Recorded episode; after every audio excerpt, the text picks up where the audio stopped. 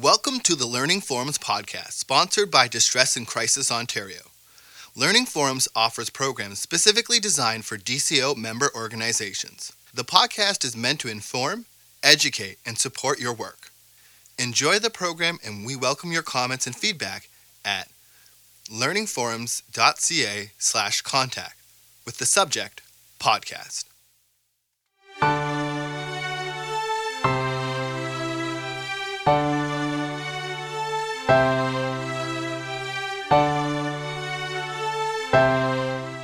Welcome, Karen. Thank you, Liz. It's a pleasure to be here. Could you start off by telling us a little bit about mood disorders?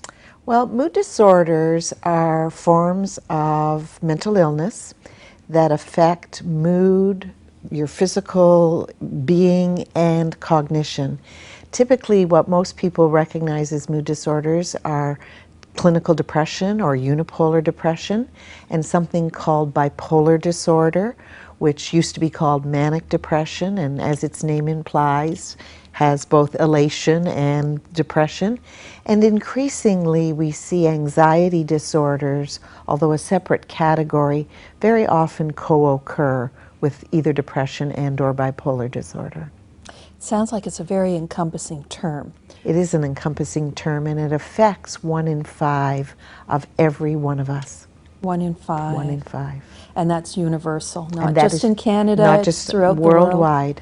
Really? Worldwide, one in five of us. Wow. How do people come to know, or how do families of individuals who may have a mood disorder come to know that that's the situation? We kind of think that families are really the canaries in the mine. You know, the reality is when you first begin to struggle with the mood disorders, most of us actually don't know that it's happening. We kind of explain it away, you know. Very often we have physical symptoms first. Believe it or not, our mood doesn't change as quickly as our physical symptoms. We we don't sleep right. We either sleep too much or not at all, or we wake up in the middle of the night and can't get back to sleep. Very often our appetite will change.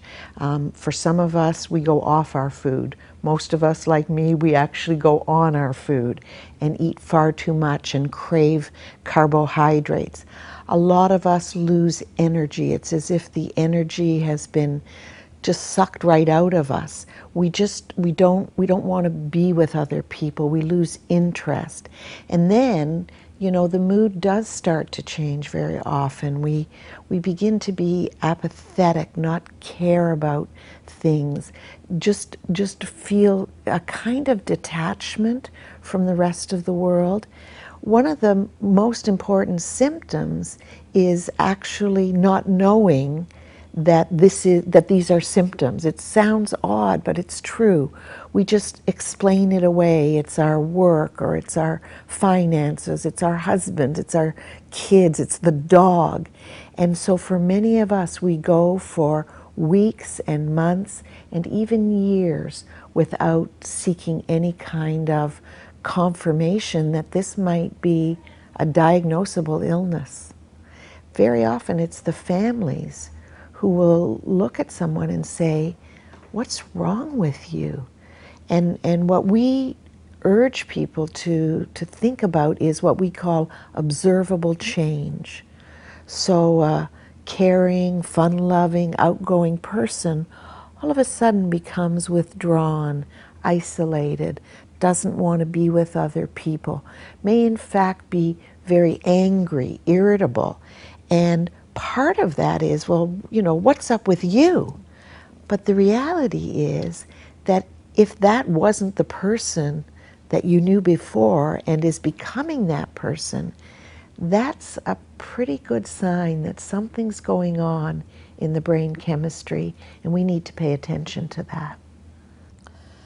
So I'm curious, how would a family um, effectively convince someone to go and get a diagnosis or to talk to someone because sometimes that's tough because you're telling us we don't want to appreciate Absolutely. that these changes are happening. Absolutely. And in fact, of all the questions that I'm asked, that is the most um, often asked questions and in, and in some ways the most difficult to answer because for each loved one, each family member, the approach shot, as we say, can be very, very different. Some, if the relationship is good, some people will will actually listen. They'll they'll hear what you have to say. For a lot of families, the relationship has become strained because of what's going on with the individual. And so part of what we suggest is in some ways you as a family member you need to center yourself and by that I mean if you start to get involved emotionally and you start to get, it becomes a kind of tug of war or some kind of battle. Those of us with depression, for example, become very sensitive to rejection, very sensitive to anything that we see as being somebody antagonizing us or, or berating us or abusing us.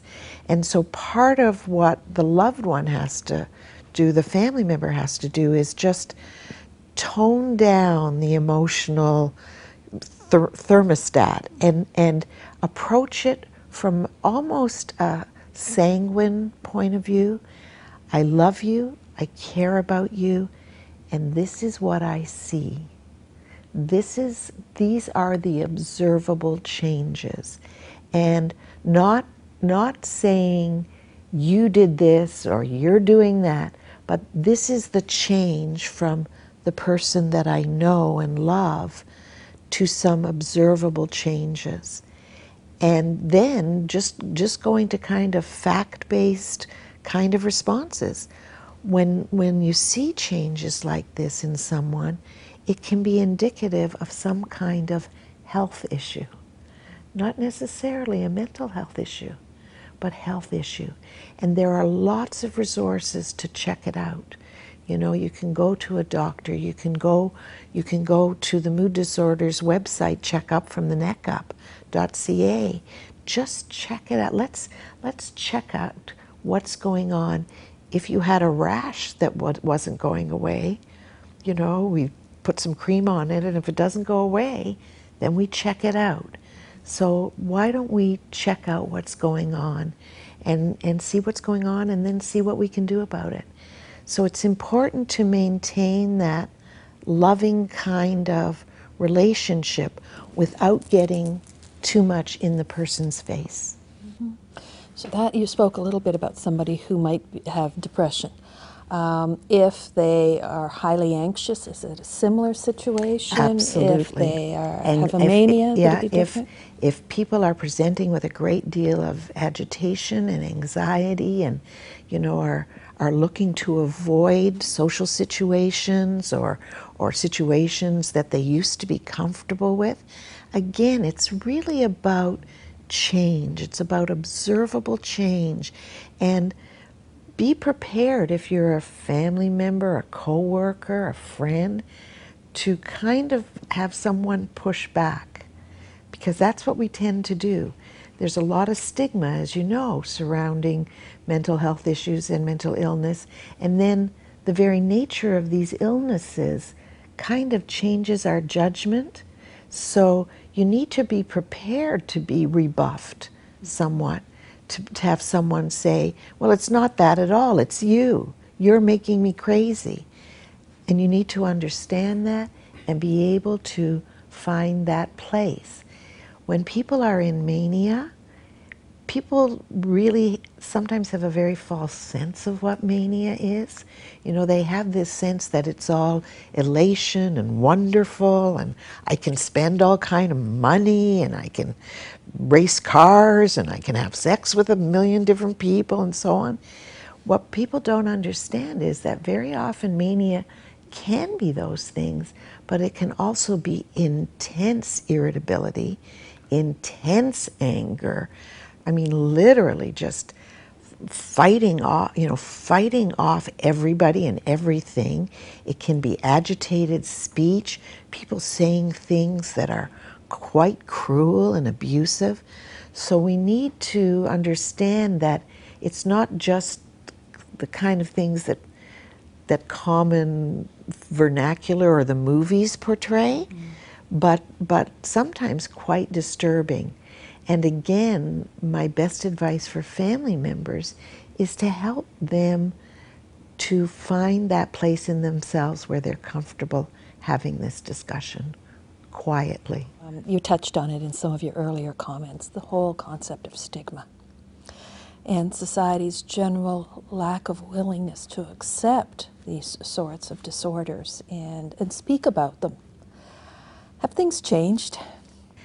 You know, on the issue of stigma, I, I sincerely believe we are making progress. I really do. I, I think we're, you know, we're seeing so much more out there, so to speak, in the media. You know, the Globe and Mail doing a 16 part series on mental health and mental illness would have been unheard of even five years ago, 10 years ago. So I do think we're making progress. We clearly have a long way to go. You know, this, these illnesses affect one in five people, and less than half of them ever seek treatment. And less than a third of individuals with mood disorders ever receive timely, appropriate treatment. Well, that's very problematic. I mean, if you said that about any other illness state, you know, if you said less than half the women with breast cancer ever seek treatment and less than a third ever receive appropriate treatment, there would be marches in the street. So I think we've come a long way, but as that old ad used to say, baby, we've still got a long way to go. Um, you know certainly that um, distress centers and crisis lines are very instrumental in providing support to individuals who may have mood disorders, but also to their family members. I'm wondering if we might want to uh, speak about maybe three uh, specific types of mood disorders. Maybe you could uh, share with us what a listener on the phone might expect to hear, some of the trigger points that they might want to listen to, and then maybe how they might respond appropriately. Sure. Which would you like to start with? Well, let's start with depression. Of course. let's start with depression. It, although it's not the most common, interestingly, anxiety disorders are more common than depression. Wow. Something that a lot of people don't realize. But depression is kind of part of the vernacular. You know, the Jays lost, I'm so depressed. And I think part of what you know the volunteers at, at distress centers can really start to understand is is what we call the three Ds of depression or, or any mood disorder for that matter. Um, how, how long, the duration, how long have you been feeling like this? The reality is that for a lot of people, this has been going on for a very long time, diagnosed or undiagnosed, treated or untreated. And the longer it goes on, ironically, the harder it is to treat. Because these are illnesses of neurochemistry, they're illnesses of brain function, and like almost any other illness, they can pathologize, they can become deeper set, they can become treatment resistant. And I know for a lot of us who are suffering from severe depression, um, the, the notion of how long this has been going on and how much more can I take is important. It's important to find out is this just a deep slide that's happened in the last six months, or has this been repetitive, repeated episode? Has it been unremitting for years and years? The other thing we want to find out is the degree to which it's disabling you know, uh, can you carry on with your life? Can you go to work? Can you read? Can you watch some TV? Can you go for a walk? All of that is very important because what we're trying to help that caller to understand is that there's not a person with clinical depression that I have ever met, ever. And I've met some very, very ill people. There's not one of them that I say, well, this is a person for whom there's no hope. Not one, because there is always hope. There is always treatment. These are not terminal illnesses unless we choose to make them so. And so part of what we're listening for is, and what, ha- what, what, what, do you, what do you, the caller, know about depression? Do you know about new treatment options? Do you know about not just antidepressants? Because people will say, but I've been tried on every antidepressant and nothing is working. Do you know about newer brain technology, deep brain stimulation, transcranial magnetic resonance? There are new treatments and new options all the time. And so part of what we're listening for is that degree to which a person knows themselves about this illness. Do they know about support organizations like the Mood Disorders Association where they're not by themselves? When they go to a group and say, you know, I can't get out of bed and my wife just doesn't get it. People at the Mood Disorders Association, we get it. We've been there. So looking for finding that common base that will say to someone, maybe call an organization like the Mood Disorders Association, a CMHA. There are so many people, it's fascinating to me, actually get into treatment but have no idea of the supports other than medical support in their own community. They don't know all the mental health and addictions agencies. They don't know them. And so part of what we want to help our volunteers and, and help people understand is that there are places in the community. When we're dealing with anxiety disorder, so many people think that this will be a crushing and forever burden. And they think that, for example, the only remedy are again some medications. In fact, what we know is that there are some extraordinary talk therapy advances having been made. Cognitive behavioral therapy, interpersonal therapy. We need we don't need to know line and verse about how these work on brain chemistry. We just need to know that they exist and there are places where we can find them. Bipolar disorder is probably the trickiest one because people think that, I think there's a kind of a common belief that people have to be profoundly depressed to want to kill themselves. And in fact, what we know is that 15% of people with bipolar disorder commit suicide. That's a very high percentage. And a lot of that has to do with what people do during their manias. They can behave rather badly, and during the time of their mania, they're in effect out of control. And then they have to pick up the pieces. And so, again, like depression, it's very important for them to know that there are, there are extraordinary new treatments for bipolar disorder, newer medications that honestly were not even imagined less than 10 years ago, and, and, and kinds of building safer routines for people. Lots of information, even, dare I say, on the internet, like good, solid information. You need to know where to find it.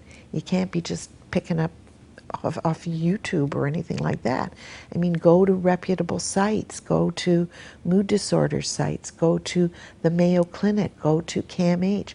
All of those places have wonderful information and hold out a lot of hope for recovery. A lot of hope for recovery.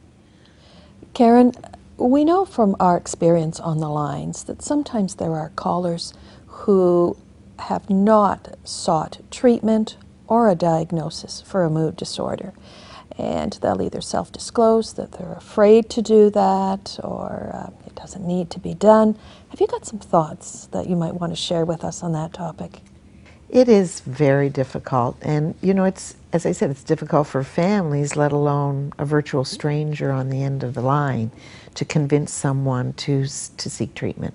And as I said, the nature of the illness almost pushes against finding out what's wrong. I think part of what the volunteer can do is to probe a little bit about what's the source of that reluctance. You know, is it a person who's just doctor phobic or, you know, that it just doesn't go to, afraid to go to the doctor? Most often it's not that. It has something to do with this sense of shame or embarrassment or something's wrong with me and the world around me. And I think a little bit of probing that combines with some gentle analogies. And the analogies, I tend to go to some kind of physical analogy. And I actually just kind of walk the person through it. I say, well, you know, if you had a stomach ache, what would you do? Well, I would nothing. Well, if, if it lasted three days and it was really bad, what would you do? Well, I'd take some antacid. What if it lasted a couple of weeks? What would you do? Well, I might go to a doctor. What if your family doctor, you know, couldn't figure out what was wrong and wanted to send you to a specialist?